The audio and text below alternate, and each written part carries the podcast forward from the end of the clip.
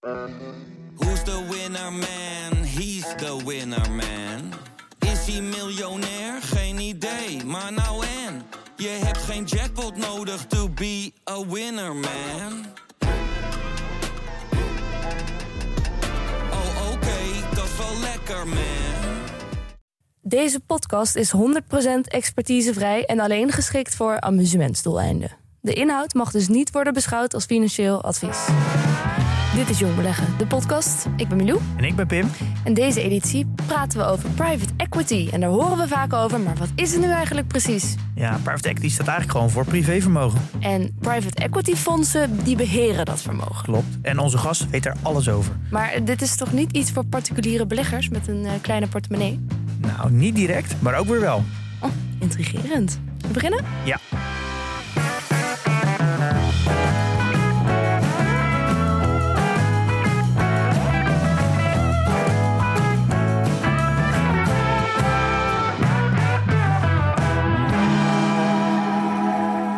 Welkom. Dankjewel. Uh, wil ik toch even beginnen met een stelling, een hele genuanceerde stelling. En jij mag hem beantwoorden.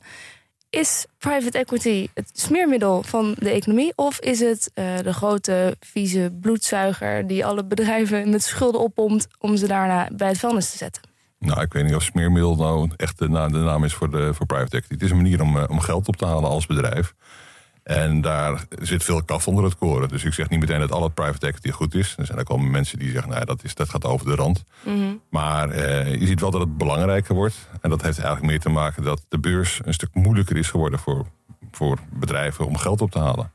En private equity een stuk volwassener is geworden. En ook na de grote financiële crisis meer waarde kan toevoegen. En dus oh ja. niet alleen maar het bult van geleend geld bedrijven opblazen en te zorgen dat je dan een hogere prijs krijgt. Maar ook vooral, ik zie het vooral in veranderprocessen. Dus als je veranderen wil als bedrijf, dan gaat het op de beurs veel lastiger. En in private handen gaat het een stuk makkelijker. Laten we het even, uh, we gaan het dus hebben over private equity. Ja. Breed onderwerp. We gaan het even rustig opbouwen. Maar eerst, nou ja, waarom hebben we jou, Han Diepering, uitgenodigd? Heel fijn dat je er bent, overigens. Uh, omdat jij ongeveer op alle mogelijke manieren uh, vermogen hebt beheerd. je bent adviseur nu bij HD Capital and Advisory. Ja. Uh, HD staat dan voor Han Diepering. Ja, zeker. aan. Ja, ja. Uh, je bent Chief Commercial Officer bij Aureus, de grote vermogensbeheerder. Ja, en inmiddels Nederland. Chief Investment Strategist. Dat Chief Commercial Officer, dat heeft een achtergrond. Want Ja. ja, toen ik bij Aureus kwam, er was wel een CEO en een CFO en een CIO, een Chief Investment Officer. Ik ben van oorsprong natuurlijk meer een belegger. Uh, maar kijk, beleggen is ook een belangrijk deel communicatie. Dus ook de boodschap is natuurlijk het brengen, is 90% van het totaal. En ik dacht, nou ja, ik heb zo lang natuurlijk aan het beleggingsstuk gezeten... dat ik ook meer iets aan de commerciële kant wil zitten. Ja, Dat- oké. Ik zeg altijd, Ja. ik word betaald om de krant te lezen. Dus je moet altijd overal wat van afweten. Mhm. En eh, je mag ook gewoon ongelijk hebben. Dus eh, ik zeg altijd, zolang er maar goed over is nagedacht... dan eh, vind ik er eigenlijk elke beslissing goed. Ja, Dus, ja. ja. en je schrijft er ook over. Je hebt columns geschreven, boeken geschreven, wekelijkse nieuwsbrief. Wil je er meer over weten, kun je kijken op www.handiepering.nl. Ja. Website Kom, kom. .com, excuus. Ik zou het bijna een passie noemen, vermogen beheren. Nou ja, goed, op het moment dat het werk je hobby is... dan, eh, dan voelt het niet als werk natuurlijk. Want dat is het. Het is wel echt een hobby. Ehm, nou, ik weet niet, of, of- het is meer zo gegroeid. Ik heb eigenlijk altijd een vrij brede belangstelling gehad. Het is een heel breed vak. Ja. Beleggen gaat overal over. Dus alles Ja, in de krant precies. kan relevant zijn. Er zit een stuk psychologie in, er zit een stuk economie in. Ja. Het is het gedrag van mensen. En het is eigenlijk, ik zeg altijd, als je het helemaal van top-down bekijkt wat het is, dan kun je bijvoorbeeld het weer voorspellen met het chaosmodel. Hè. Dat is allerlei verschillende input. En input, hoe die op elkaar inwerken, is niet bekend. Dus de uiteindelijke eindkomst is heel moeilijk te voorspellen. Beleggen is nog net iets moeilijker, eh, want dat is een chaosmodel met een menselijke invloed. Mm. Dus ik zal het vergelijken als je kijkt met het weer in Canada. Als het koud is in Canada kun je een jas aan doen, maar dan blijft het even koud. Dat- verandert niet. Als de Canadese beurs is ondergewaardeerd, ja, dan zien de beleggers dat het ondergewaardeerd is en stappen ze in. Ja. Dat betekent dus dat die koersen gaan stijgen. En op een gegeven moment zien mensen koersen stijgen, dan stappen zo meer mensen in. En op een gegeven moment is de Canadese beurs overgewaardeerd. Dus dan ziet u interactie tussen de psychologie en zeg maar de, de daadwerkelijke andere omgevingsfactoren, die je ook allemaal niet kan voorspellen, Ja. maakt het heel moeilijk om, dat, eh, om daarop in te Een spelen. extra complicerende factor zijn wij mensen. Ja, dat loopt, de, wetenschap loopt er ook regelmatig op vast. zeg Ja, maar. dat Dus kan ik me voorstellen. ja. Ga dat maar eens voorspellen, inderdaad. En ja, private equity is ook een breed onderwerp, zeiden we. Maar Pim, jij wil toespitsen op specifieke onderdelen daarvan, hè? Nou ja, private equity is daarmee gewoon privévermogen. Ja. Eh, en eh, daar kan je natuurlijk meerdere dingen onder scharen. Waaronder natuurlijk ook gewoon eh, venture capital. Ja. Eh, nou, daar hebben we het al over gehad, aflevering 66. Dus ik denk dat we het nu iets meer gaan hebben over de, de, beetje de buy-outs en, en het groeikapitaal, denk ik. Maar misschien eigenlijk in jou het woord geven. Kan je wel uitleggen wat is private equity en wat is het verschil tussen hedge funds en venture capital? Nou ja, private equity is gewoon het investeren in bedrijven. En dat kunnen hedge funds ook doen. Dus dat is niet opeens dat het anders is. Maar hedge funds doen ook heel veel andere zaken. En hedge funds is een raar begrip. Want dat zijn een tal van verschillende strategieën. En het enige wat ze zo beetje min of meer gemeenschappelijk hebben... is dat ze 2% plus 20% performance fee vragen. Lijkt het soms wel. Dus ja, heb je een tal van categorieën in. En uh, private equity valt ook niet onder hedge funds. Het is gewoon een aparte categorie. En wat je ziet is dat uh, oorspronkelijk natuurlijk heel normaal was dat mensen privé uh, geld bij elkaar brachten om te investeren. Ja, terug aan Nederland tot de VOC, zeg maar, die was ook niet beursgenoteerd. Ja. dat is ook een soort private equity onderneming. En dan zie je dus dat het voordeel van dat investeren samen is dat ja, in die tijd kwam misschien 1 op de 10 of 1 op de 20 schepen kwam terug. Als je dan net die verkeerde schepen had, dan was het natuurlijk niet rendabel. En het, uh, als je dat samen doet, dan was het natuurlijk op zich wel uh, rendabel. En zeker ook met grotere investeringen. Ja, dan uh, heb je natuurlijk een beperkt aantal particulieren die dat geld alleen kunnen opbrengen. Dus het feit dat andere mensen met elkaar gaan investeren, dat is feitelijk private equity. Dat is heel lang heel normaal geweest. ook niet als private equity zo bestempeld. Het is eigenlijk pas echt de naam private equity gekregen in de jaren 80. Want toen uh, kwam je uit de jaren 70, een hoge inflatieperiode. Zag het bedrijf dat ze uh, toch wat, wat vet op de ribben hadden. Omdat ze toch in een ongunstige economische periode kwamen. En toen zagen wat slimme mensen zeggen: Nou ja, als ik dat bedrijf met wat meer schuld oplaat. dan heb ik opeens een veel hoger rendement op mijn eigen vermogen. Hè? Omdat de schuld op het vreemde vermogen, de, de kosten van het vreemde vermogen sterk daalden. Omdat de inflatie daalde de rente daalde ja, sommige bedrijven blijven nog heel conservatief gefinancierd. En private equity zijn, nou ja, dat, uh, ik koop het op. Ik splits het op in onderdelen en ik gooi er wat extra schuld tegenaan. En dat, uh, dat maakt je heel snel heel veel rendement. Nou, natuurlijk ook wel excessen. Je hebt natuurlijk het rapport over het boek van uh, Barbarians at the Gate. Hè, dat ging over KKR. Die dan uh, RGR Nabisco, een hele groot bedrijf, een tabaksbedrijf overnam. En uh, ja, dat was toch wel een beetje de uitwassen van private equity. Toen was eigenlijk de, gebo de, geboorte van de, de sprinkhanen, zeg maar. Dat, dat soort ideologie, dat die van het ene naar het andere bedrijf hopte. En je hebt natuurlijk ook de, de films die in die tijd gemaakt zijn erover. Um, ja? KKR is een van de grootste beursgenoteerde private equity bedrijven. Ja, KKR, Carlyle, Blackstone, dat zijn de grotere private equity huizen. En die zijn eigenlijk... 3E Group in uh, Londen, waar, uh, die ze kunnen kennen van de Action. Uh, ja, 3i, maar dat is wat aparte, want dat is ook een bedrijf dat deels beursgenoteerd is. Hè. Dus dat heeft de private equity ook, zeg maar, ook naar, voor een deel naar de beurs gebracht. Maar het is niet per se een heel groot private equity huis.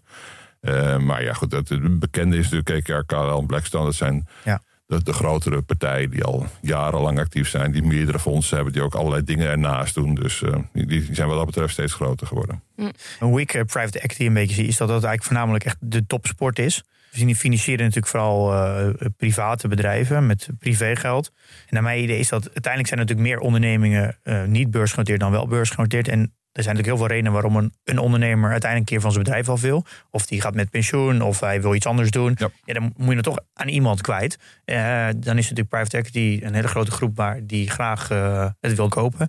En private equity is naar mij zo georganiseerd dat er zoveel goede mensen bij zitten. Dat ze ook heel snel toegevoegde waarde kunnen creëren. Omdat een onderneming runnen bestaat eigenlijk uit expertise en MBA skills. Dat zijn eigenlijk altijd uh, de twee dingen die je nodig hebt. Mm -hmm. En als je natuurlijk een uh, private equity partij hebt die heel veel goede MBA skills hebben. Die dat ook over meerdere bedrijven kunnen toepassen. Dan kan je natuurlijk heel snel een, een extra voordeel halen. Ja, nou ja, dat is ook de beloning natuurlijk. Hè. Dat is bijvoorbeeld een bezwaar soms van sommige mensen. Ja, die private equity mensen verdienen veel te veel geld. En dat klopt ook. Want ja, dit is niet die 2%. Die 2% is natuurlijk gewoon. Uh, dit is ook behoorlijk betaald, laat ik het zo zeggen. Bovendien is het ook vaak over het gecommitteerde kapitaal. Dus niet over daadwerkelijk geïnvesteerde kapitaal. Maar dat, het grote geld verdien je natuurlijk op de carry, op die 20% die je krijgt van de performance. Overigens, die carry, die 20%, die wordt betaald boven het rendement wat je op 8% jaar op jaar haalt. Hè. Dus vaak is 8% de norm. Dus dat is ongeveer het gemiddelde lange termijn wat je aandelen haalt. Ja, en dat betekent dus alleen als je boven het normale aandelenrendement op lange termijn dan haalt, dan dat je die 20% eh, dan krijgt. Maar als je kijkt naar de mensen die werken bij private equity, dan heeft het natuurlijk zin om slimme mensen aan te nemen die dat soort ideeën kunnen vervolmaken. Aan de andere kant is het niet een super ingewikkeld probleem. Tenminste, het is wel echt hard werken, dat wel. Je moet wel uh, dag en nacht doorgaan. Uh, maar diezelfde mensen zouden bijvoorbeeld ook bij McKinsey kunnen werken. Uh, alleen als je naar McKinsey bijvoorbeeld een rapportje vraagt, dan, uh, ja, dan is twee a viertjes ook 80.000 euro. En dan vraag je aan McKinsey van waarom krijg ik een rapportje van twee a viertjes, moet ik daar zoveel voor betalen? Want het is meestal toch bestaande kennis die ze dan combineren. Ja, dan zeggen ze, ja, dat komt omdat McKinsey erboven staat. En je ziet ook dat beursgenoteerde bedrijven heel vaak consultants als McKinsey inhuren. En dan in een veranderingsproces. En dan een heel mooi rapport krijgen, wat misschien ook wel klopt. Alleen dat beursgenoteerde bedrijf, dat, dat, dat blijft dan haken op de implementatie. Ja. Dus de implementatie lukt dan niet om tal van redenen. Omdat bestaande bedrijven moeilijk te veranderen zijn. Omdat je altijd mensen hebt die tegenwerken. Of om de stakeholders die je ook eh, moet delen. Of omdat, eh, ja, er zijn tal van redenen waarom dat beursgenoteerd niet lukt. En bij Private Equity is eigenlijk het bedrijf dat niet alleen het idee heeft, het slimme idee heeft, maar ook de implementatie doet. Ja, en daar dus het geld mee verdient. En dat betekent dus dat je al het rendement wat je daarmee maakt, dat je dat deels kan verdelen onder je beleggers. Ja. Ook onder mensen die het bedacht hebben. Dus de implementatie betekent dan dat jullie een heel team hebben?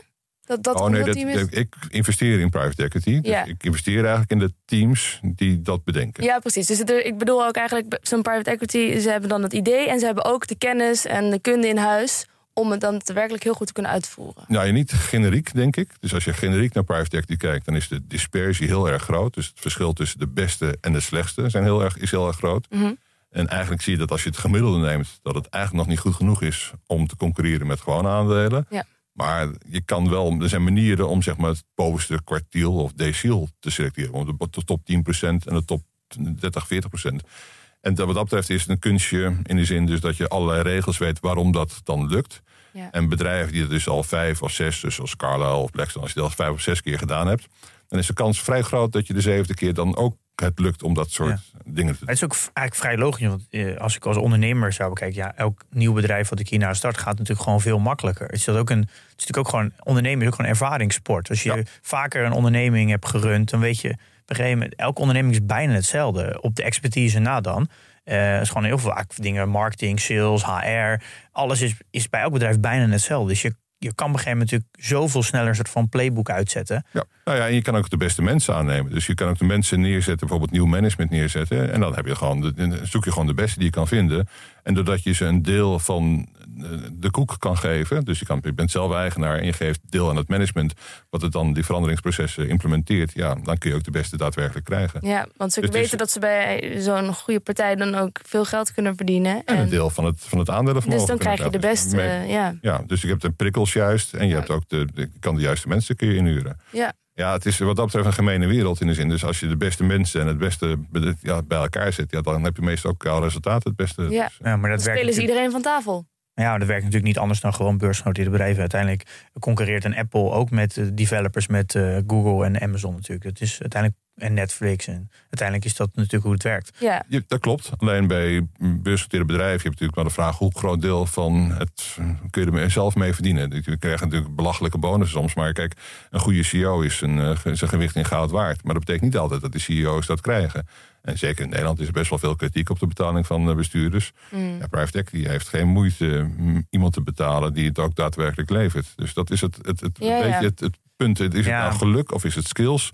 Als je goede skills hebt, ja, dan jongens, eh, helaas, dan eh, En dus komen we er dan op uit dat de beste mensen in de financiële wereld werken voor private equity? als mensen alleen voor geld gemotiveerd zijn, zou dat zijn. Het is, het is natuurlijk niet altijd zo dat mensen alleen maar voor geld gemotiveerd zijn. Ik denk ook dat gewoon beursgenoteerde bedrijven prima mensen in dienst hebben.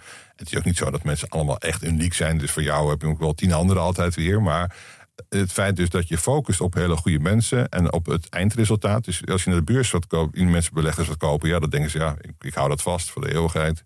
En ik weet nog niet aan wie ik het verkoop. Private equity is al van begin tot eind doordacht. Dit is wat ik ervoor ga betalen. Dit is hoe ik waarde ga toevoegen. Dit is wat, wat het dan waard is. Ja. Eh, dit moet verbeterd worden. En dat zijn sommige dingen als de digitale transformaties... die dan niet lopen bij beursgenoteerde bedrijven. Dan haal je het van de beurs af, doe je het wel. Of de energietransitie, dat eh, kan niet snel genoeg. Nou, dat doe je, haal je het van de beurs af, dan doe je het wel. Dus dat, dat soort veranderingsprocessen kunnen nu eenmaal sneller in handen van private equity. Ook omdat die gewoon weten, ja, we moeten dus niet alleen voor die 2%... maar ook voor die 20%, dus die, die, die carry gaan... En dat kun je alleen als je voldoende waarde toevoegt. Dus Ja. de druk is ook vrij hoog. Ja. Dat is ook zeker in tijd vrij hoog. Eh, maar ja, als mensen gaan voor rendement, en dat is bij beleggen toch vaak wat mensen Wat doen, doet, ja, ja. Dan, eh, dan, dan is dit het proces. Ja. En dat zie je ook terug in de rendementen. Dus de rendementen zijn hoger. En natuurlijk moet je kijken naar IRR. Kijk, IRR is zo'n begrip natuurlijk. Het is wel netjes hoe je het rendement berekent. Maar het probleem bij een particulier is toch, ik heb een som geld. En dat moet aan het werk. Als je zegt, nou, ik geef het aan een private equity huis. Ja, die zegt, eh, nou, doe maar eerst maar eens eh, een cashco. De eerste call is eh 10%. Dus dan heb je een miljoen gestort. En dan vragen ze een ton op. En dat is dan daadwerkelijk geïnvesteerd. En daar berekenen ze dan de IRR over. Terwijl jij natuurlijk geïnteresseerd, ja, die overige 90% moet ook renderen. En als je kijkt naar een gemiddeld private equity fonds over de looptijd, hè, dat is dan gemiddeld 10 jaar plus 2 jaar, of zeg maar 5 jaar investeringsperiode, 5 jaar dan terugbetalingsperiode. En kijkt hoeveel ze geïnvesteerd zijn, dan halen ze nog niet eens de helft. Dus dan per saldo betekent dus dat je voor een groot deel gewoon in iets anders belegd bent. En vaak is het dan cash, omdat ja, je, moet dat, je krijgt een cash call in de toekomst. En misschien is dat een horizon van een jaar of twee jaar. Kortlopend, ja. Dus moet je kortlopend Het is beleggen. eigenlijk niet een eerlijke manier van, van rendement breken. Want het is een beetje hetzelfde als ik een port, mijn eigen portefeuille beheer... en ik ga 50% in cash. En dan ga ik alleen maar mijn rendementen rekenen over die 50% die ik belegd heb.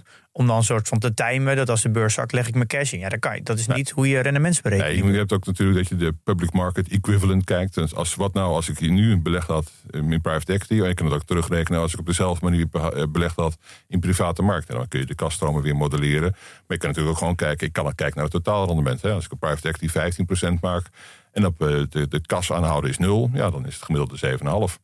Ja. Dus dan heb je 7,5%. Nou, nu zijn er wel verschillende. Het, het uitdaging bij private equity is natuurlijk wel als investeerder om zoveel mogelijk, zo snel mogelijk het geld aan het werk te krijgen. Ja. Dus er zijn verschillende methodes voor. Want ja, je hebt natuurlijk ook kortlopende belegging. Je kan het ook combineren bijvoorbeeld met private debt, wat relatief kort loopt. En dat je dat eerst investeert en dat, dan, dat telt dan op bij het rendement. Eh, maar je kan bijvoorbeeld ook zeg maar, zorgen dat de kaststromen, die toch vrij voorspelbaar zijn op basis van de historie, ook beter op elkaar aansluiten. Dus als je dat doet, dan zie je wel dus dat je, als je veel geld aan het werk krijgt, dat je rendement duidelijk beter wordt. Je ziet ook de reden waarom, wat ik een beetje begrepen heb van... eh, er zijn natuurlijk best wel wat eh, private equity eh, partijen in Nederland... maar dat die op een gegeven moment geen geld meer willen. Omdat ze, ja, ze cappen een soort van eh, het vermogen. eh, omdat ze anders gewoon te veel geld hebben... en dat ze niet genoeg eh, kansen kunnen vinden. Nou ja, ja, dat kan. Eh, ik werk zelf bijvoorbeeld voor, nog voor Baby Capital, de Buy and Build Capital in Den Haag. En ehm, ja, daar zie je dus duidelijk dat de kaststromen ook heel duidelijk probeert te managen. Dus dat er een beperkte ruimte is voor instroom. eh, om je te zorgen dat je de rendementen niet te veel verwateren door het geld wat aan de zijde staat. Hè. Dus Ja, dat is zonde. dat is zonde. Eh, je kan het ook oplossen door bijvoorbeeld de secondaries te kopen. Secondaries zijn dan tweedehands hè, private equity fondsen. Of private equity fondsen die in het verleden zijn opgericht. Eh, die al vol geïnvesteerd zijn. En die kunnen er worden soms veranderd. Soms worden mensen ervan af. Omdat op tal van redenen. Er is wel enige liquiditeit dus in private equity. En als je zo'n vol belegd fonds dan koopt. Dan kun je het eens de prijs. Soms omdat iemand er vanaf wil. Kun je het ook nog een discount kopen. Is het aantrekkelijk. En dat zorgt er dus voor dat je zelf ook sneller vol belegd bent. Dus Ja. er zijn meerdere mogelijkheden om te zorgen dus dat je die 50% die gemiddeld een private equity fonds investeert, dat je dat als belegger verbetert. En dat is ook deel waar je als belegger dan ook de waarde kan toevoegen. Want het gaat niet om dat nou, het ene fonds dat 15 of andere 18 haalt. Maar als je maar vol belegd bent, ja, dan maakt het wel uit. In je IRR niet, maar in je totaalrendement nog. Ja, en daar gaat het natuurlijk En uiteindelijk. dan kijken ze ook natuurlijk gewoon naar, uiteindelijk kijken ze naar money multiples en dat soort zaken. Dus Ja. om, om andere maatstaven om te kijken hoe vaak ik mijn inleg terugkrijg en hoe snel. Maar IRR is op zich een zuivere methode, want het, beleg, eh, het kijkt gewoon van dit zijn de kaststromen in en de kaststromen uit. En in principe als je de beurs IRR berekent, dan krijg je ook het echte rendement van je portefeuille. Dus, eh, Ja, maar je, maar je, alleen je hebt niet de... ja, maar je hebt ook een opportunity cost op cash natuurlijk. En dat, Ja. dat moet je ook die meenemen. moet je net meenemen. Ja. Voordat we verder gaan, eerst een bericht van onze sponsor Achmea. Eh, Pim, ken jij de knowing-doing gap? Of in mooi Nederlands de intentie-gedragkloof? Ja, dat je iets weet, maar er niet naar handelt. Ja. Ja, zo heb ik vrienden die dankzij ons wel weten dat ze moeten beleggen. Om verlies van koopkracht tegen te gaan. En te zorgen dat ze een goed pensioen hebben. Maar er toch niet naar handelen. Nee, dat blijkt toch lastig, hè? En of breder dan beleggen, vlees eten. Ik hoor mensen vaak zeggen, ja, het is wel beter voor de planeet... en minder dodelijk voor de dieren. Maar als er dan een menukaart met een hamburger eh, met bacon voor je ligt... ja, dan wordt dat voor het gemak toch vaak wel weer vergeten. Ja, woorden verliezen nogal betekenis als je er niet naar handelt. Ja, het zou wel een stuk helpen als je in een omgeving zit... waar ander gedrag gestimuleerd wordt. En dat denken ze ook bij Achmea. Daarom zijn ze met zo'n 13.000 collega's vast begonnen... om goede intenties om te zetten in goed gedrag. Zo werken ze daar aan oplossingen voor grote maatschappelijke vraagstukken. Ja, ze gaan bijvoorbeeld voor minder verkeersslachtoffers, gezonde werknemers, duurzame woningen en meer. Ja, dus nou, geen woorden, maar daden. Waar ga jij voor? Check de vacatures op werkenbijachmea.nl.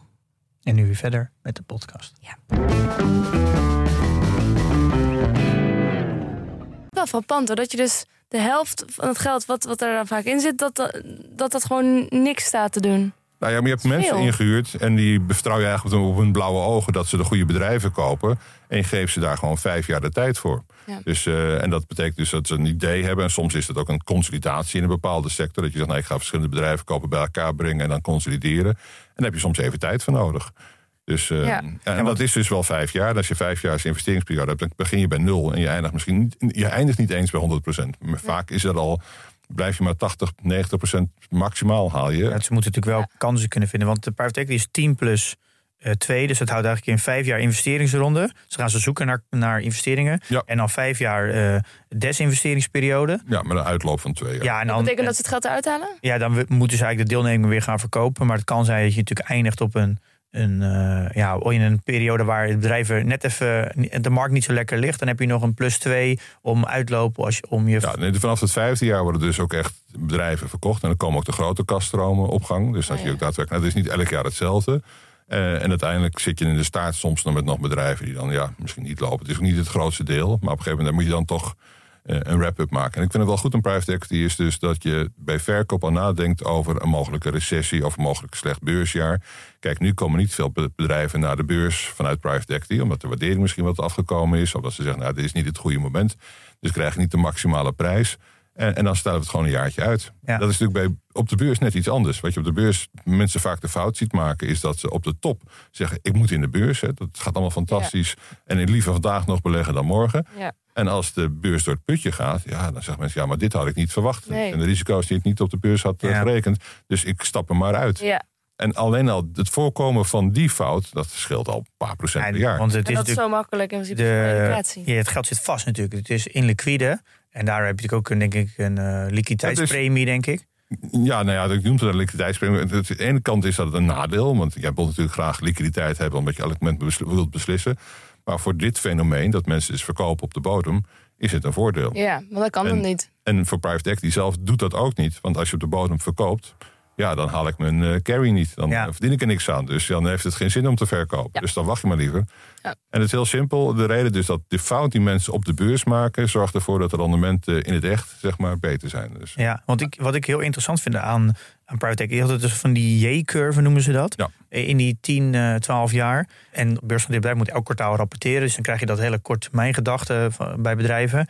En bij private equity heb je meer die, eh, ja, die J-curve. Dan kan je misschien uitleggen wat het is. Maar dan gaat het meer over echt een lange termijn denken. Nou, de J-curve is typisch dan dat in, in de investeringsperiode koop je bedrijven, maar is er nog niet meteen de toegevoegde waarde zichtbaar. En zeker als je dan kijkt naar boekhoudsystemen, dan ben je toch wat conservatief. En dan koop je het op eh, de aanschafprijs. En dat laat je op de aanschafprijs staan. Terwijl er misschien al waarde is toegevoegd. Of je moet nog extra investeren. Die investering krijgen levert niet meteen rendement uit. De kost gaat voor de baat uit. Dus dan zie je in de eerste jaren, in plaats van een positief rendement, dat je een negatief rendement hebt. Dus je begint op 100. En misschien in de J-curve sta je op een gegeven moment na vijf jaar sta je op 80. Ja, je maakt dus eigenlijk eerste periode verlies... omdat er geïnvesteerd wordt. nou ja, het is verlies papieren. Papieren verlies, Ja. ja. Dus misschien zijn de bedrijven wel meer waard. Maar enigszins conservatief weet je natuurlijk nog niet wat de waarde is. De echte waarde weet je pas bij verkoop. En eh, dat is dan de J-curve. Op een gegeven moment dan wordt er verkocht hè, vanaf jaar vijf. En dan zie je, oh, dat levert toch wel meer op dan er is. Of er ook daadwerkelijk de waarde, de waardegroei wordt ook daadwerkelijk zichtbaar. Eh, en misschien dat tegenwoordig de boekhoudsystemen iets meer zeggen wat de werkelijke waarde is. Dus dat J-curve effect wat minder groot is. Maar je moet rekenen dat, dat ja, hier gaat ook de kost voor de baat uit. En op een gegeven moment als dan de rendementen terugkomen... ja, dan schiet natuurlijk de rendementscurve omhoog. En dan krijg je die J-curve of die hockeystick-curve... die dan typisch is voor private equity. Ook daar is, zijn beleggers natuurlijk bezig om zoveel mogelijk te voorkomen... dat je in zo'n J-curve zit. Dus dan betekent dat je niet alles in één jaar in private equity doet... maar dat je per jaar een deeltje investeert. Dus dan is het per vintage jaar. Dus, en dat is ook belangrijk omdat de, de rendementen per jaar niet hetzelfde zijn. Bijvoorbeeld nu, dit is een heel goed vintage jaar. Er dreigt een recessie, de bedrijven staan onder druk. Dus het is een goed moment om te In- kopen. Om in te Om stappen te eigenlijk. investeren. Ja. Nou ja, misschien komt het nog dat er nog meer druk eh, is. Maar Want dat bedoel Dus- je met vintage. Ja, dat, vintage net als met port. Hè. Port heb je ook een vintage Ja. port. Dat betekent dat is uit één specifiek jaar. ja. En dat kan een heel goed jaar zijn of een heel slecht jaar zijn. Ja. Dat hangt af van het weer. Ja. Bij private equity hangt het eigenlijk af van de economie. Het gekke is bij private Ja. equity, als je zegt, dan mensen vragen dan, is het dan een goed moment om in te stappen? Nou, dat, eigenlijk is dat niet te bepalen. Want het moment om in te stappen is, dat weet je pas over vele jaren als Ja. het mensen het bedrijf verkocht wordt. lijkt achteraf. Dus de timing achteraf is vooral het moment van verkoop. hè. Dus over zeven jaar of acht jaar of negen jaar. Ja. Dat is eigenlijk wat het En rendement twee momenten die belangrijk zijn natuurlijk. Het liefst wil je natuurlijk in een diepe recessies je bedrijven kopen. Want dan kan je ze goedkoop kopen. En je wil ze eigenlijk op een soort van de, de, de boom. Eh, wil, je ze, wil je het fonds sluiten. Want dan kan je de bedrijven voor de hoogste prijs Het is de verkopen. psychologie en dus het werkt ook aan de kant van de investeerders. Je ziet gek genoeg als dus de, de kansen het groot zijn... dat de investeerders het meest terughoudend zijn. Dus Ja. in de grote financiële crisis op dieptepunt... ja, er wil niemand eh, investeren in private Echt, equity. echt eh, acyclisch moet je eigenlijk handelen. Eigenlijk contra. Ja, maar je probleem is natuurlijk dat er een factor is in beleggen... dat heet liquiditeit. Eh, je moet het geld ook wel hebben. Dus op het moment dat beurzen onder druk staan... en dat heeft dan ook te maken met eh, de liquiditeit... die dan de kraan die wordt dichtgedraaid. Op dit moment is de kraan ook helemaal dichtgedraaid. En dat was natuurlijk in 2008, 2009 ook. Bedoel, je hebt heel veel goede ideeën... maar je kan niet overal je geld in investeren. En je Ja. bestaande beleggingen, ja, die staan onder druk. Die wil je dan niet verkopen. Dus geld is een vrij schaars goed op de bodem. Ja. Dus het Ja, is misschien wel contracyclisch om dat te doen. Maar er zijn niet zoveel mensen die heel groot uitgebreid liquiditeit hebben. Je hebt, je hebt natuurlijk typisch, nou ja, soms family offices. Of nou, Warren Buffett, hè, die heeft ook altijd wel geld beschikbaar op het moment dat de, bodem, de koers heel erg laag staan. Maar heel veel beleggers die, eh, die, die komen om. Die, worden- die, die hebben misschien Ja. wel het idee dat ze moeten investeren. Die denken van dit is het moment. Maar hebben het geld simpelweg niet. Dus eh, Zoals je misschien hoort, eh, er is wat geboren op de achtergrond. Kunnen wij ook niks aan doen. Moet je even doorheen luisteren. Eh, maar weet alleen dus dat er niks mis is met jouw koptelefoon of de manier waarop je luistert. Het is in het gebouw. Want wie, Ja. wie financieren over het algemeen eh, private equity? Eh, nou ja, uiteindelijk zijn alle eindbeleggers, de, de investeerders, hè, ik bedoel, je kan zeggen het zijn de pensioenfondsen, of zijn de verzekeraars, of zijn de institutionele beleggers. Het zijn natuurlijk altijd eh, gewoon particulieren die uiteindelijk Ja, financieren. daar, daar kan je naartoe, uiteindelijk naartoe beredeneren natuurlijk. Maar de, gro- het, het grootste geld komt denk ik wel van een pensioenfonds. Eh, nou ja, eh, dat valt wel mee. Ja, ja, valt, nou, het zijn natuurlijk grote partijen. En als je bij pensioenfondsen zie je een beetje een vreemd beeld. Je ziet dat de hele grote het wel doen en de, middel, de kleintjes of de middelgrote niet. En het, dat komt ook omdat het niet zo makkelijk is. Bijvoorbeeld als je een miljard hebt om in private equity te investeren. Want je moet dus naar meerdere fondsen, je moet spreiden over verschillende fondsen. Nou, zo'n fonds dat vraagt dan snel 5 of 10 miljoen eh, als aan commitment. Nou, stel dat je de 5 of 10 doet per jaar. Eh, je moet het per vintage jaar doen, dan heb je 4 of 5 vintage jaren. Dus dan gaat het, de ticket loopt al snel op richting nou, honderden miljoenen eigenlijk. Eh, en op een miljard vermogen is dan honderd- honderden miljoenen ook een groot bedrag. Eh, er is in de afgelopen jaren wel veel verbeterd dat het ook voor particulieren beschikbaar is. En je ziet vooral bijvoorbeeld dus eh, family offices, dus van dat, eh, dat die een vrij groot deel van hun vermogen ook in private equity hebben. En dat heeft ook te maken omdat bijvoorbeeld een, een, een particuliere belegger die een ton of vijf ton of een miljoen te investeren heeft, ja, die heeft ook nog een aantal zaken, onzekerheden in zijn beleggingshorizon. Zoals bijvoorbeeld, ja, wat nou als ik eh, een echtscheiding of een overlijden, dat kan natuurlijk een grote impact hebben. Maar er zijn ook andere redenen dat mensen bijvoorbeeld eh, het vermogen voor iets anders nodig hebben. Eh, en met name als je wil terugvallen op dat ik er ook nog van moet leven van het vermogen, dat- ja, dan betekent toch dat je dat bij private equity, dan moet je langer wachten voordat je je geld terugkrijgt. En als Ja. je dus die liquiditeit wel wil hebben, bij een klein vermogen gaat dat wat lastiger. Je ziet dus dat eh, voor een particulier met een miljoen of 2 miljoen is 10, 20, 30 procent private equity al best wel veel. Ja, voor iemand boven de 20 miljoen is dat juist heel erg weinig. Die Ja. wil al snel de helft of meer. Dus eh, in, in private equity of dat soort vergelijkbare strategieën. En voor iemand met 5000 euro? Een particulier met 5000? Ja, Ja, 5000 euro wordt het lastig, zeg maar. Denk ik om eh, de eerste plaats al überhaupt iets te vinden wat eh, ticket. Maar het kan. Kijk, ik heb jarenlang eh, bijvoorbeeld in eh, op Nederland staat Hall Investments. eh, dat is natuurlijk ook een feitelijk een particuliere investeringsmaatschappij. Die heeft ook een mooi track record natuurlijk in het verleden gehad.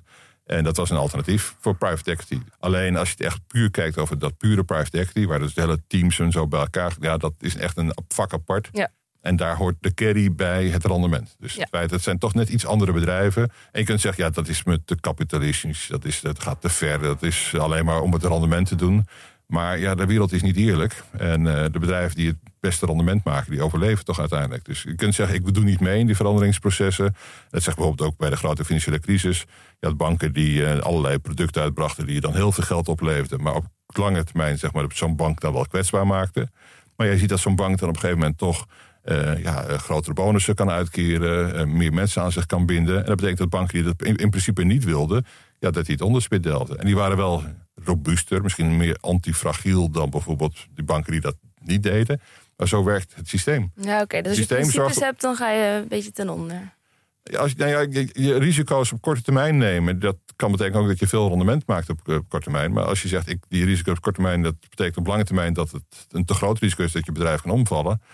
Die eh, neem je toch, die risico's. En datgene is, die- zolang het bedrijf het niet omvalt, ja, nemen ze die risico's. Dus Ja, dat, moral niet- hazard is, dat blijft. Maar dat is niet heel anders dan dat iemand gewoon een bedrijf start en dat ook doet, toch? Uh, uiteindelijk zijn het toch gewoon allemaal ondernemers. Of dat nou een private equity ondernemer is of gewoon een ondernemer die het bedrijf start. In principe is het natuurlijk dat exact hetzelfde.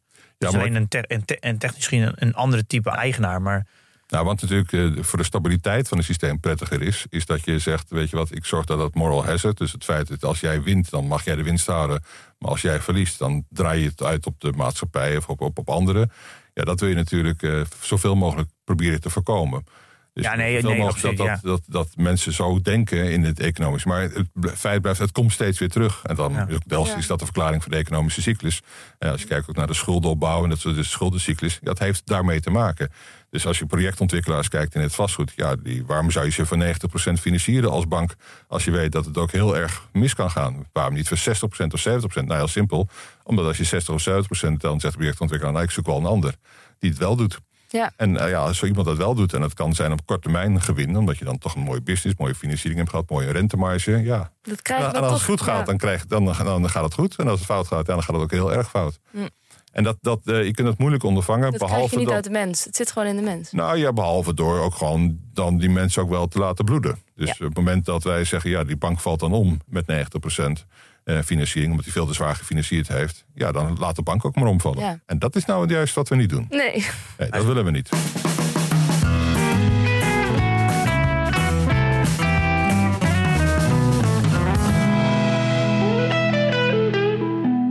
Private equity zit natuurlijk niet echt in banken. Het zit toch voornamelijk gewoon in, eh, in eh, bedrijven zoals een fitness of Basic Fit voordat het naar de beurs ging. En een eh, Intersport. Ja, en nee, ja. gewoon al die ketens zoals Rituals en zo. Al, daar zit toch vooral en dieren, Dierenartsen, en dierenartsen en tegenwoordig. zo. Wat die bedrijven gemeenschappelijk hebben, is natuurlijk dat ze een redelijk voorspelbaar model hebben. Dus je weet dus eh, wat de inkomsten zijn. Vaak is het abonnementsmodel. Hè? Dus dat je gewoon een abonnement betaalt. Nou, je denkt, nou ja, als ik nu zoveel abonnees heb, dan heb ik over een jaar minimaal nog zoveel abonnees. Je weet wat het verloop is, weet de groei is. En op het moment dat je het abonnement, de inkomsten vast hebt, dan kun je ook de kosten daarop aansnijden. Is het ook vaak aantrekkelijk om schaalgrootte te verbeteren. Dus ja, dat zijn natuurlijk die vaste inkomstenstromen. Dat zijn heel, het is niet de hele cyclische bedrijven die Ja, mijn idee dus niet- private equity in de meest makkelijke vorm van een business runnen is ze, zoek, ze gaan gewoon naar een partij die, die het al bewezen heeft dat ze een, een, een concept werkend hebben. Die hebben misschien eh, het in vijf verschillende locaties werkend gekregen, Ja. waardoor test je dat het niet alleen in Amsterdam werkt, maar ook in Rotterdam en Den Haag. En denk ik, hey, private equity, hey, concept werkt. Eh, je hebt een branding die is tof. Eh, je, je werkt dat het ook op meerdere type mensen werkt, in verschillende locaties in Nederland. Nou, laten we dit bedrijf overnemen. Laten we dit van vijf naar vijftig locaties doen. En dan daarna naar België, naar Duitsland. Dat is toch het model van private equity waar bijna alles in zit. Daarom zijn al die Mm, ketens in de winkelstraat of van Ja, private equity. echt groeikapitaal, noem ik dat toch. Ehm, wat het echte model van private equity is, tenminste nog steeds het grootste deel van waar je investeringen naartoe gaan binnen private equity, dat is buy-out capital. Dus dat is gewoon bedrijven kopen, eigenlijk van de beurs halen. En dat kan ook wel gewoon een bedrijf kopen. En dat dan veranderen, transformeren, opsplitsen. Ja, ja, want we En hebben... daarmee het rendement maken. Heb je een voorbeeld van dat proces? Eh, nou ja, het is een tal van bedrijven natuurlijk van de beurs gehaald in de afgelopen jaren. Eh, ja, ik heb niet een acute voorbeeld. Maar kijk, je hebt natuurlijk bedrijven die op een of andere manier ondergewaardeerd zijn op de beurs. Waar, die, de, beurs niet meer ziet liggen. Die eh, eh, soms wat te klein zijn, omdat eh, zeg maar niet in de grote indexen zitten. Dus in een kleinere index zitten. Maar bijvoorbeeld Intertrust is er afgehaald en eh, eh, nu wordt Ordina wordt er afgehaald. Ja, Eh, zijn dat voorbeelden van... eh, en die fietsenmaker, eh, Axel, is ja maar dat is meer een, een strategisch. Kijk, er zijn, je hebt natuurlijk mensen die meer een strategische acquisitie verrichten. eh, om zeg maar bij een bestaand bedrijf te voegen. Dat is dan meer in het eh, zin van het groeikapitaal. Dat zou dus ook een beursgenoteerd bedrijf kunnen zijn. Nee, maar het typische is private equity is dat je een conglomeraat hebt. Of een bedrijf wat gewoon dingen fout doet in de strategie. En daardoor een lagere waardering krijgt. Dus kun je het laag kopen en dan een, een bod doet. En dat kan een vijandig bod zijn. Eh, maar op een gegeven moment zie je toch dat als de prijs maar hoog genoeg is, dat je het dan de beurs kan halen. En daarna eh splits je het op eh, in soms verschillende onderdelen. Of je rationaliseert het, of je zorgt ervoor dus dat de dingen die fout liepen, dat die dan wel goed lopen. En dan breng je het weer terug naar de beurs. Of dan zoek je een strategische koper. Dat is vaker het geval. Dus dat terug naar de beurs, dat is wat minder het geval. En, en het consolideren, dat zeg maar echt het groeivermogen, dat is meer dat als je een, inderdaad een bedrijf met een goed idee hebt. Eh, dan zie je wel dat er een soort drempel is tussen, eh, nou, stel dat je dan meerdere vestigingen heeft in Nederland, en dat het allemaal goed draait. Om dan internationaal actief te worden, dan heb je eigenlijk een ander management nodig. Heb je eigenlijk een andere organisatiestructuur nodig. Dus die internationale groei, dat lukt gek genoeg in Europa veel minder goed dan in de VS. Dus daar is eigenlijk waar wij het manko hebben. Dus al die jonge tech-startups die op een gegeven moment toch succes hebben, om die dan internationaal te laten groeien, dan zijn ze in de VS nou helemaal beter in. En ik ben nog altijd probeer ik te achterhalen waarom dat zo is. toen ik bij de Rabobank eh, werkte, heb ik bijvoorbeeld bij de Universiteit van Wageningen, heb je toch de, eigenlijk de beste landbouwuniversiteit ter wereld. Er zitten heel veel innovaties. En ook daar zie je, dus als je dat door wilt ontwikkelen, dat snel laten groeien. En je moet wel bedenken dus dat dat belangrijk is, omdat bedrijven die leven tegenwoordig steeds korter. Dus die zijn niet 30, 40 jaar, maar bijvoorbeeld gemiddeld 12 jaar zijn bedrijven. Uh, en dat komt vooral door de kracht van het internet, maar ook door zeg maar, de internationale handel die steeds makkelijker is geworden. En dat betekent dus dat je in een vrij korte tijd moet je eigenlijk viraal gaan, moet je de hele wereld overgaan. Ja. Dat, Daar maak je ook het rendement natuurlijk mee. Momentum. Dus en dat, dat, ja, dat, dat effect dat moet je wel kunnen.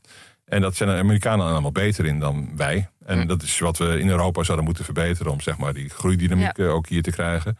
Misschien komt het ook omdat wij juist sterk zijn in de pluriformiteit. Elke regio in Europa is weer een, iets anders goed in. Dus wij zijn wat dat betreft een veel robuuster systeem dan het Amerikaanse systeem. Maar eh, dat, groeikapitaal is wel iets anders dan buy-out. En buy-out is gewoon van ja, de analyse maken van een bedrijf wat al bestaat. En dan is het ook veilig, hè? want op het moment dat je weet dat het een bestaand bedrijf is, dan heb je heel veel blinde vlekken al ingevuld. Je weet wat dit kan, wat dat kan, wat dat kan. Bij groeikapitaal is natuurlijk een strategie, dus dan is het meer van add-ons. En ja, moet je maar zorgen dat het misschien iets meer aandacht vergt om het, uh, om het succes te maken. Er zijn heel veel verschillende varianten natuurlijk op dit ja, model. uiteindelijk komt alles voor. Ja, want we hebben tot nu toe dus best wel veel gehad over de economische cyclus... en dat je dat ritje mee omhoog kan maken. Maar dat is natuurlijk meer dat private equity doet. Ze gaan echt in een bedrijf ja, proberen dat te laten groeien... of uh, dingen veranderen, zodat ze nog meer geld gaan verdienen. Dus ze, proberen, ze worden gewoon eigenlijk een eigenaar van het Absoluut. Ja, ja, nou, kijk, een investeerder op de beurs die kan kopen en verkopen. Dat is ongeveer, daar houdt het al eens een beetje mee op. Ja. En daar veel meer kun je zelf actief mee doen. En ja. bij private equity zegt, nee, ik kan daar veel meer actief mee doen. Ik kan het hele bedrijf veranderen. Dus uh, de, de, naam, nou, de strategie, de, de, de digitale transformatie, ja. de energie. Alles kan ik doen wat ik denk dat waarde toevoegt. En dan verkoop ik het weer. Dus Precies. het deel van het rendement wat je op de beurs maakt en wat je dus niet kan halen, is het rendement wat de eigen ondernemer, het ondernemersrendement zeg ik. Een ondernemer is gewend om veel hoger rendement te maken dan wat je soms op de beurs krijgt. Zeker als een succesvol ondernemer is. En dat krijg je niet op de beurs, want dat is voor de ondernemer. En die ondernemer is niet de aandeelhouder. Nee. De aandeelhouder die verschaft alleen het eigen vermogen, krijgt een vergoeding op het eigen vermogen. Bij private equity krijg je het rendement van het eigen vermogen. En van je werkzaamheden. Van die, die slimme ondernemer. Ja. Die, die toegevoegde waarde, die krijg je ja. met private equity. Of je moet gewoon zelf gaan ondernemen. Dat kan natuurlijk ook. Ja. Ja, dan moet je ook, eh, dan heb je toch een bepaalde concentratierisico's. Ja, als nou, het wel goed gaat of niet goed gaat. Er zijn natuurlijk heel veel succesvolle ondernemers. Ja. Maar er zijn ook heel veel mensen die het geprobeerd hebben dat het geen succes is. Nou ja, dat risico wil je ook een beetje spreiden. Mm -hmm. nou, als je dat doet, dan alles bij elkaar telt, dan is dat misschien de verklaring dat je voor private equity wat hoger rendement krijgt dan op de, op de beurs. Ja, ja, precies. Want jij schrijft ook ergens: uh, wie nu instapt in private equity mag historisch gezien een bovengemiddeld rendement verwachten. Ja. Uh, dat is dus omdat nu dan, uh, we zitten aan de vooravond van, ik noem het dan maar de meest voorspelde recessie ooit. En het gek is, als je, economisch zijn bijzonder slecht in het voorspellen van recessies. En eind, eind vorig jaar was het 85% voorspelde een recessie. Inmiddels is dat weer fors gedaald. En misschien met de Amerikaanse bankencrisis en de schuldenplafondcrisis dat het er best wel van komt.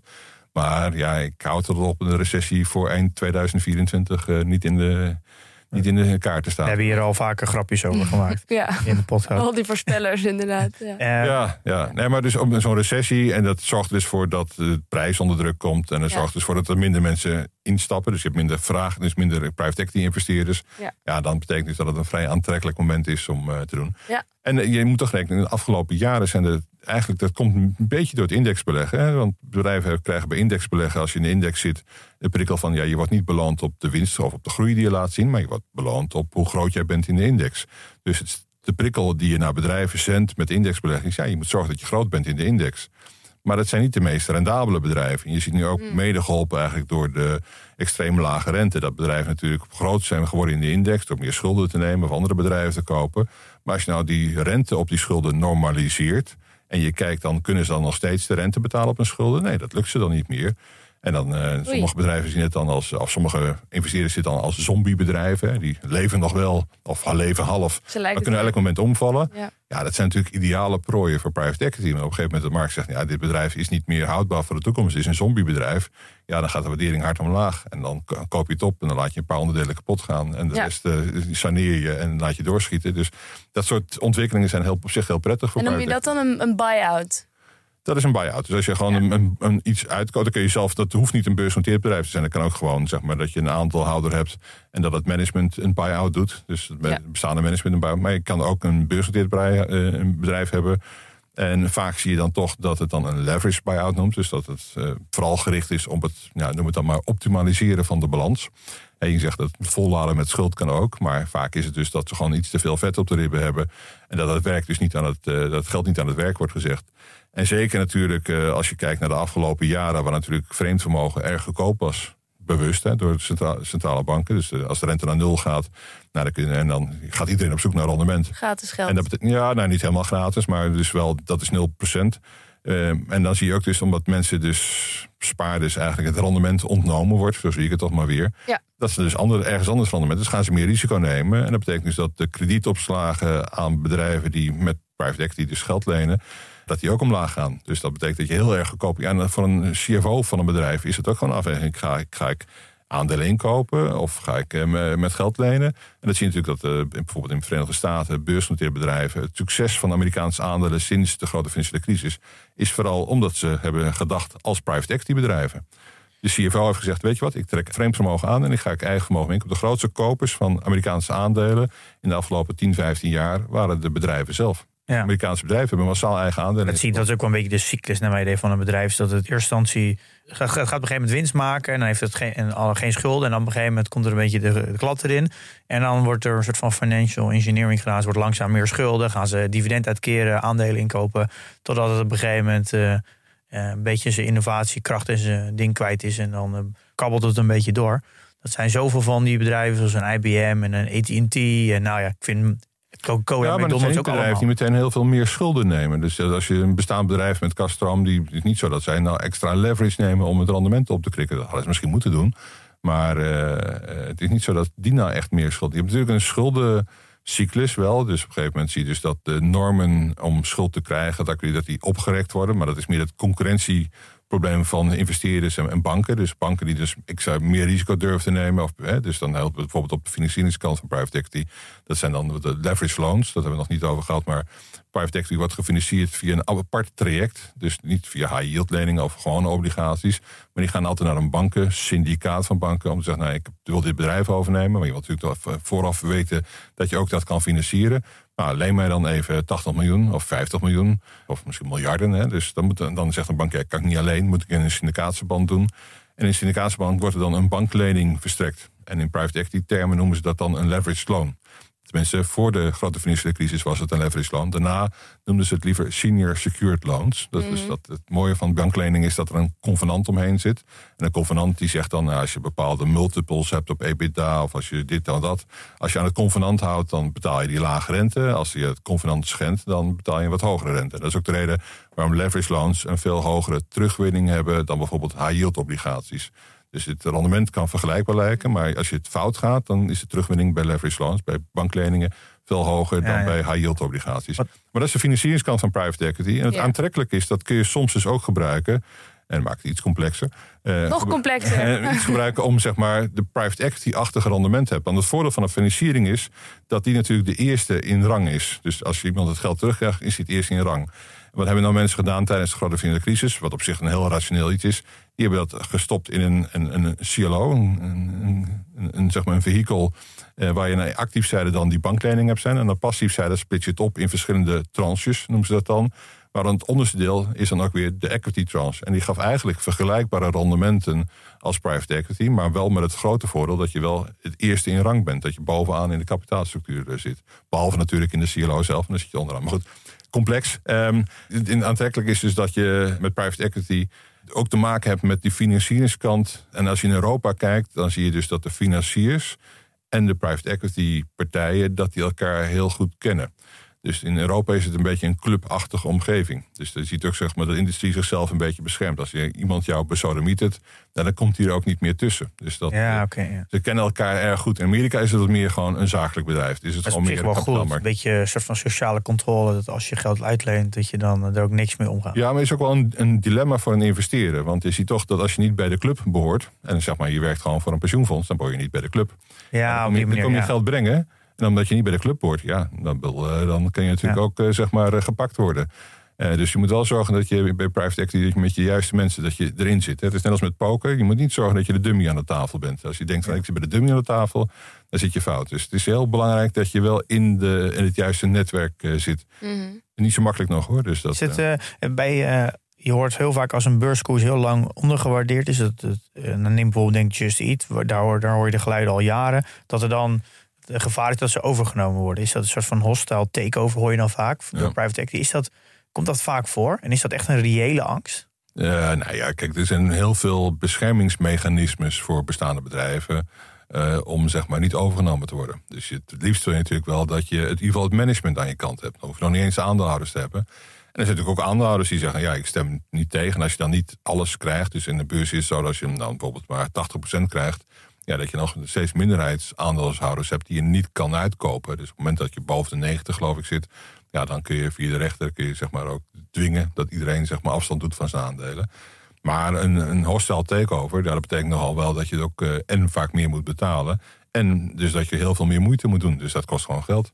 Ja. Dus het is niet zo makkelijk om dat Ja, er wordt dan vaak gezegd, ja, de beurskoers is zo, eh, het is niet zo ondergewaardeerd. Je moet eigen aandelen inkopen, want anders eh word je straks overgenomen. Eh, dat hoor ik heel vaak, maar ik, zie, ik heb dan sinds ik aan het beleggen ben nog nooit gezien dat het gebeurd is. Nou, het gebeurt af en toe wel, maar inderdaad, het, het is niet, de, de vriendelijke overnames zijn veel groter dan de vijandige overnames. Ja, en de, en de vriendelijke overname houdt eigenlijk in dat het eerst over, overleg is geweest met management. Ja.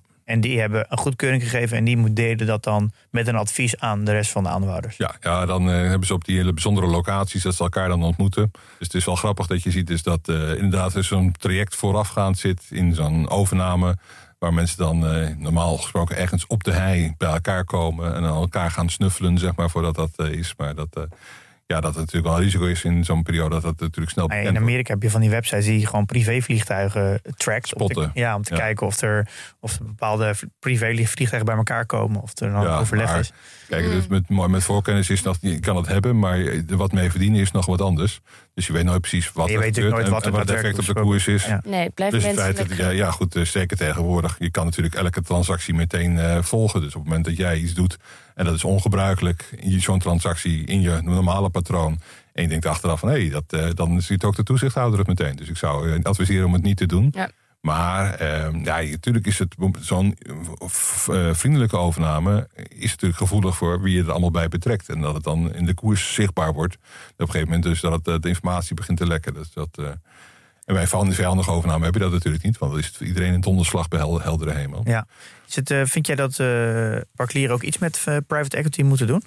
Nou ja, is- ik wens het allemaal toe. Want dan hebben ze voldoende vermogen zeg maar, om voor een eigen levenswijze hiervan onderhoud te voorzien. En op een gegeven moment ook, zeg maar, mochten er onverwachte dingen gebeuren, dat je ook dat liquide vermogen daarvoor kan gebruiken. Maar op het moment dat je voldoende groot vermogen hebt, dat je ook in private equity kan beleggen.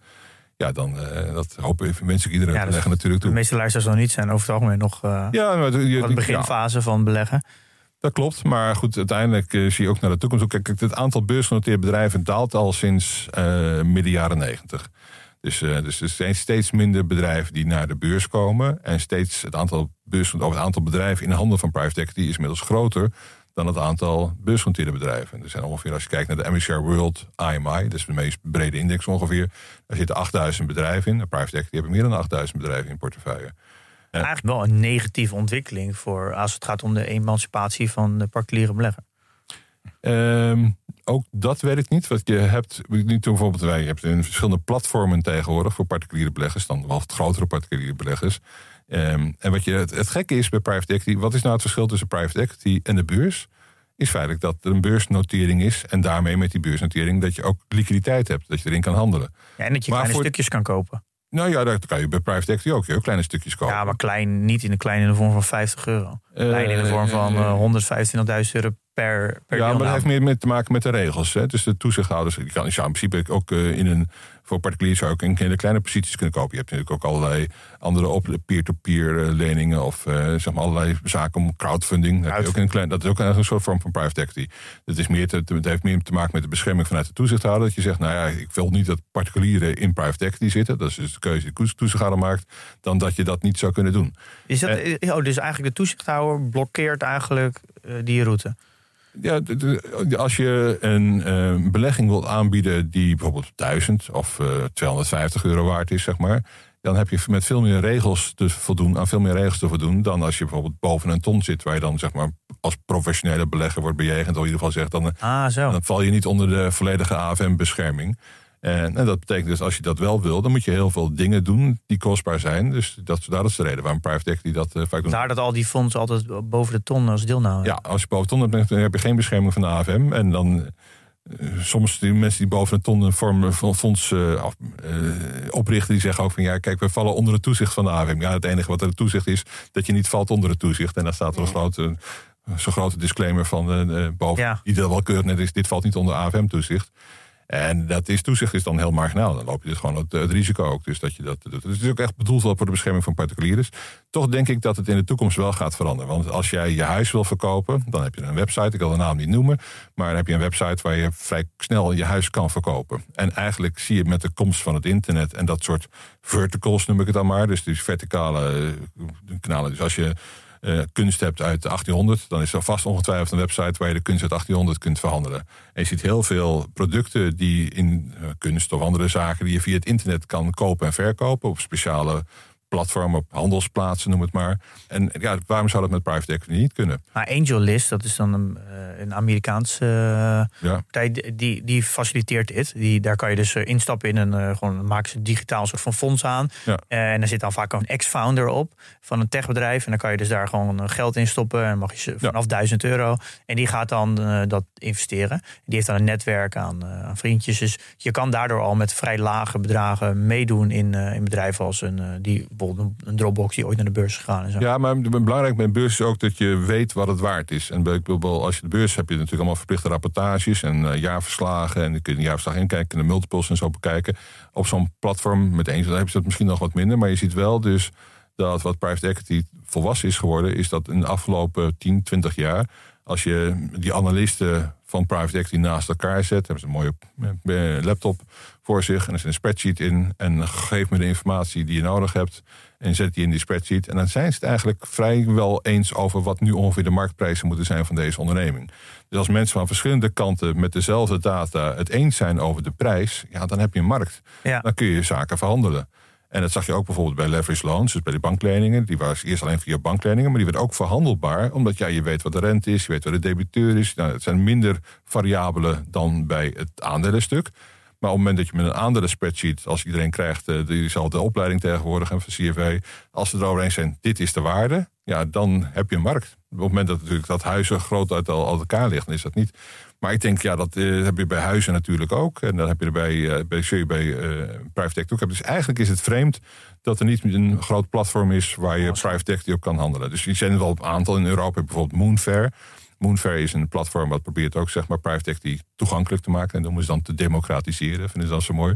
Overigens is het ook nog vanaf vrij grote bedragen hoor. Dus het is niet zo dat het uh, mm-hmm. vanaf 5000 euro zoiets is. Uh, maar dat is wel gaande. En ik denk op termijn ook dus dat je uh, zult zien dus dat bedrijven niet via een beurs verhandelen ook heel normaal gaat worden. Dus dat er andere methoden zijn, andere marktplaatsen, andere platformen zijn. En dat je daardoor ook private equity zijn funding makkelijker kan krijgen. Dus makkelijk toegankelijker kan maken voor, voor kleinere beleggers. Ja, dat is niet uh, van vandaag op morgen, maar er zijn ongetwijfeld hele goede nee, techneuten. klinkt wel als een logische ontwikkeling. Die techneuten die daar een bedrijfsmodel in zien. Dus ja. Uh, en wat vind jij van uh, de, de ETF's die er zijn op private equity gebied? Er zijn er vier die ik gevonden heb, van iShare en X-Trackers. En ik staan ook op de website. is dat iets wat je. Het is niet altijd dat er naar gekeken moet worden? Het, het, is niet altijd echt private equity. Het zijn vaak dat je belegt in de private equity eh, partijen, dus de, asset managers feitelijk. Dus als je bijvoorbeeld Carlyle of KKR, die zijn tegenwoordig beursgenoteerd. Die kwamen zo'n beetje naar de beurs in 2007. Dat was de vorige piek in, in private equity. Dat is typisch een voorbeeld van dat je, als je al die bedrijven naar de beurs komen, dat je denkt, nou, dit is ongeveer de piek in de markt. Um, in 2007 zijn al die bedrijven, zeg maar, als Blackstone naar de beurs gekomen. En daar kun je dus in investeren, maar dan beleg je dus niet in private equity. Jij belegt wel in private equity, maar in de, de holding company. Dus de, de, de, bedrijf wat de, de de, de, de marges incasseert. Zeg maar, of de, de, de... Ja, het is een indirecte vorm Het is een beetje indirect. Ja. En dat zie je ook dat het voor nadeel van de beurs is dat uh, bij private equity bedrijven, die kunnen dan uh, ja, een premie hebben of een discount. En dat vervelend is natuurlijk dat op de top van de markt hebben die een premie en op de bodem van de markt hebben die een discount. Ja. En dat zorgt ervoor dat de uitslagen groter zijn. Maar dit biedt ook kansen. Dus als je dan zegt, ja. dit is erg ondergewaardeerd. Nou, dat geldt, dat ook voor bijvoorbeeld HAL. Dat kan ook, heeft een lagere waarde dan wat de intrinsieke waarde is van de portefeuille. En dan, moet je, dan speel je een beetje met de discounts. Dus het zijn feitelijk dus een soort, toch een closed-end verhaal. Dus op het moment dat die discount 20% is, dan is het misschien aantrekkelijk. Dat heb je ook bij vastgoedfondsen. Overigens, die zien ook heel extreme discounts. Je hebt bijvoorbeeld dat Duitse vastgoedbedrijf van Novia. Dat heeft nu een discount van 70%. Dat is ook wel reden voor dat het te veel fout gaat. Maar dat kan dus aantrekkelijk zijn om te, in te spelen op de discount. Dus je behandelt het eigenlijk zelfs als een holding. Dus, uh, maar op die manier is het wel mogelijk als je met lagere bedragen belegt... om te zeggen, ik wil 5% van mijn portefeuille in, indirect in private equity. Dat kan, maar ik zou dan toch meer kijken naar de investeringsmaatschappijen. Dus van Hal een voorbeeld, maar je hebt wel meer van dat soort families die beursgenoteerde investeringsmaatschappijen... Uh, bijvoorbeeld. België bijvoorbeeld. Ja, die zijn dan aantrekkelijk om te kijken van ja, en dan... dan heb je natuurlijk ook altijd het risico van discount. Maar dan beleg je wel uiteindelijk in verschillende participaties. En vaak dus ook deels in private equity. Omdat niet alle participaties beursgenoteerd zijn. Ja. En dat, dat is dan een, kan een alternatief zijn. En dan heb je in ieder geval nog de liquiditeit. Plus het feit dat je in ieder geval de ondernemings... Van, je het ondernemingsrendement. Het ondernemersrendement dat je dat ook nog een beetje in zit. Dus je betaalt dan ook nog daar, dat krijg je dan mee. Maar het is natuurlijk ook een andere assetklasse versus uh, aandelen en obligaties, waardoor het natuurlijk ook het beweegt anders. Dus het heeft een, een, eigenlijk ook een, een eigen dynamiek, een eigen ja. Uh, volatiliteit, waardoor het natuurlijk lekker werkt in een portefeuille. Nou ja, kijk, volatiliteit is. Mensen zeggen, denken vaak in de financiële wereld dat is dan risico, maar dat is geen risico, dat is natuurlijk onzin. Volatiliteit is feitelijk de enige manier hoe je alfa kunt genereren. Want dat betekent als de koersen laag zijn, kun je kopen en hoog kun je verkopen. Maar volatiliteit vindt op een of andere manier vindt de wetenschap dat risico bij beleggen. Mm. Maar het uiteindelijke risico is natuurlijk permanent verlies van vermogen. Er is wel een relatie tussen volatiliteit en permanent verlies van vermogen. Maar dat is aan de belegger. Dus als de belegger dus verkoopt omdat het te volatiel is. Kijk, tegenwoordig moet iedereen zo'n risicoprofiel aanmaken. En uh, als het risicoprofiel heeft dan ook bepaalde bandbreedte in risico. Je kan maximaal min 10 gaan in enig jaar. Onder voorbehoud natuurlijk met de kleine lettertjes. Uh, als je dan min 15 haalt, dan zegt de belegger: ja, maar dat heb ik niet geaccepteerd, dit risico. En dat is, dan ontstaat het echte risico. Omdat het dus 15% is en volatieler dan gedacht, dan gaat hij dus verkopen op de bodem, meestal, want dat is dan het gevolg. En dan heb je het echte risico van beleggen, permanent verlies van vermogen. Private equity is niet zo volatiel. Want ja, je krijgt niet zoveel informatie. De beurs is volatiel, niet beurs is niet volatiel. Dus het gevolg is dat mensen die in private equity beleggen, ja, de beurs beweegt, maar nou, ik blijf gewoon zitten. Want die, uh, hebben, niet, die hebben geen prikkel. Nee, maar die hebben ook geen prikkel dus in de prijs om te zeggen: Weet je wat, ik, nu moet er wat gebeuren. En als je die dan ook nog goed informeert en zo, ja, dit is niet dat eerder als kans dan, dan als, een, als een probleem. En het voordeel van private equity is, omdat niet alles geïnvesteerd is aan het begin. Dus op het moment dat je in jaar drie bijvoorbeeld ziet, zoals nu, dat de liquiditeit erg krap is, ja, dan hebben zij dus nog grote zakken met geld. Ja. Dat zie ik nu aan de zijlijn. Als, ja, als de beurs hard zakt, ja, dan wordt het percentage geld wat private equity ter beschikking heeft steeds groter. Dus, uh... Ik zou nog even willen terugkomen op de uh, vraag die ik aan het begin stelde over of we nou uh, private equity moeten zien als een soort bloedzuiger of een uitknijper. En dat komt natuurlijk omdat het in de media vaak negatief uh, naar voren komt. Een, geval dat vers in mijn geheugen ligt is natuurlijk de HEMA. Die werd overgenomen door Lion Capital. En dan vroeg ik me af, als ik nou als particuliere belegger toch iets met private equity wil, via een beursgenoteerd bedrijf of, wat, of zoiets, kan ik dan ook zien of private equity bedrijf een, een uh, iemand overneemt die het vervolgens gaat zitten uitknijpen en foppen om het schulden om het daarna bij het grof te zetten? Of is dat onderzichtig en dan moet ik maar hopen dat het, uh, dat het goed gaat? Ja, nou ja, ik doe dat vol stoppen met schulden. En dan, ik, ik denk Klinkt niet lekker, hè? Um, nou ja, het klinkt, het klinkt, klinkt het als, als je daar geld mee verdient, maar het is eigenlijk niet waar. Ik bedoel, het komt maar in een aantal gevallen voor dat je ziet van. Kijk, het is natuurlijk altijd het moment dat er crisis is dat private equity toeslaat. En dan uh, dreigt toch bijvoorbeeld het bedrijf voor Nederland verloren te gaan of zoiets. Ja. En dat wil je dan niet. En kijk, ik bedoel, het kan natuurlijk hetzelfde ook zijn met gewone private aandeelhouders. Het is ook niet speciaal private equity dat die zegt, nou weet je wat, we gaan dit bedrijf omzetten. Het heeft ook helemaal geen nut om een bedrijf omzetten. Nee, dat lijkt me toch ook helemaal dus niet. Het is ook een lange termijn, dus dat is helemaal Ja. interessant. En wat je ook goed ziet is dat, uh, zeker als het gaat over duurzaamheid, het heeft enige tijd geduurd, maar je ziet dat bij private equity dat ook veel meer tussendoor gaan zitten. En dat komt eigenlijk ook omdat Oké. die, die investeerders dat willen. Ik bedoel, als je naar eh, de APG's of de PGM gaat, die ge- geven die boodschap mee. En dit was eerst aan beursgenoteerde bedrijven. En dan denk je, als je nou verduurzaming... Ja, kijk, bij beursgenoteerde bedrijven landt het vaak niet zo snel. Maar bij private equity praat je rechtstreeks met de investeerder. En dan zegt er gewoon de, de, de, de eindinvesteerder, de, de eindbelegger, zeg maar... Zeg gewoon, nee, ik wil dat je het zo doet. Ja, ja. En dat betekent, nou, dan gaat het ook veranderen. En ook het, het verduurzamen van bedrijven is gewoon een bedri- bedrijfsmodel geworden. Want je ziet gewoon dat duurzame bedrijven, kijk bijvoorbeeld naar de olieindustrie. Op het moment dat een, een oliebedrijf ziet dat eh, dit Deense bedrijf, als dat zich verduurzaamt, die kaststromen worden vele malen hoger gewaardeerd. Dus wat is nou mooier? Want als je een bedrijf goedkoop wil kopen, dan kijk je bijvoorbeeld naar Royal Dutch Shell. Waarom zou je niet een leverage buyout doen van Royal Dutch Shell? Ik bedoel, dat eh, bedrijf heeft ongeveer een. Eh, eh, betaal je nu drie keer de kaststroom voor. Die kan zichzelf ongeveer eh, in drie, vier jaar van de beurs afhalen. Dus eigenlijk is het etiket een beetje onterecht wat de media erop plakt. Ja, maar het- ik begrijp het wel. Maar het komt vooral omdat er in tijden van crisis dat private equity toeslaat. Ja. En ja, dat is natuurlijk wat je nu Hoe kun je nou geld verdienen op het leed van anderen? Eh, ja, daar komt het een Dat, beetje op neer. ja. Maar ja, als niemand het doet, dan gaat het bedrijf gewoon kapot. Zijn de mensen, worden mensen allemaal ontslagen. Dus dat, zo is nou, en dat is nou wat nou de economische cyclus is. Ik bedoel, sommige bedrijven overleven, sommige bedrijven niet. Ja. Maar En, gewone ondernemers gaan ook failliet. Hè? Dus dat, dus, Nee, ja, ik ben alleen ja, maar maar we even leven een beetje in een tijdperk waar niks meer mag failliet mag nee, gaan. maar Dus als het is, alles moet door de overheid Ja. gesteund worden. dat haalt de krant natuurlijk niet. Als een, een ondernemer al tien jaar een bedrijf runt en dat gaat uiteindelijk failliet omdat het economisch tegen zit. Ja, dat haalt de krant niet. Ja. Maar als private equity het doet, dan natuurlijk wel. Ja, maar ik bedoel, de- de- die, ze hebben die imago niet mee. Dus Nee. eh, dan zeker de politiek, die wil dan alles behouden blijven voor dit of alles zoals het, blij- zoals het was. Ja, dat gaat nou helemaal niet. Ja. De wereld verandert en bedrijven moeten mee veranderen. En ik denk dat private equity heel goed is om daarbij te ondersteunen. En dan maak je een heel leuk rendement als belegger. Er is gesproken, Han. Heel veel dank voor je tijd. Dankjewel. Ja, de, ja ik, dankjewel. ja. We kunnen nog, eh, nog lang eh, doorpraten, maar volgens mij moeten we het eh, Ja. eind aan breien. Ja, we slaan het op en nemen het mee weer in onze, in onze reis, toch Pim? Ja, gaan we doen. Ja, precies. Ehm, en dan resteert mij nog alleen eh, de slotzin. Investeer in je kennis en beleg met beleid.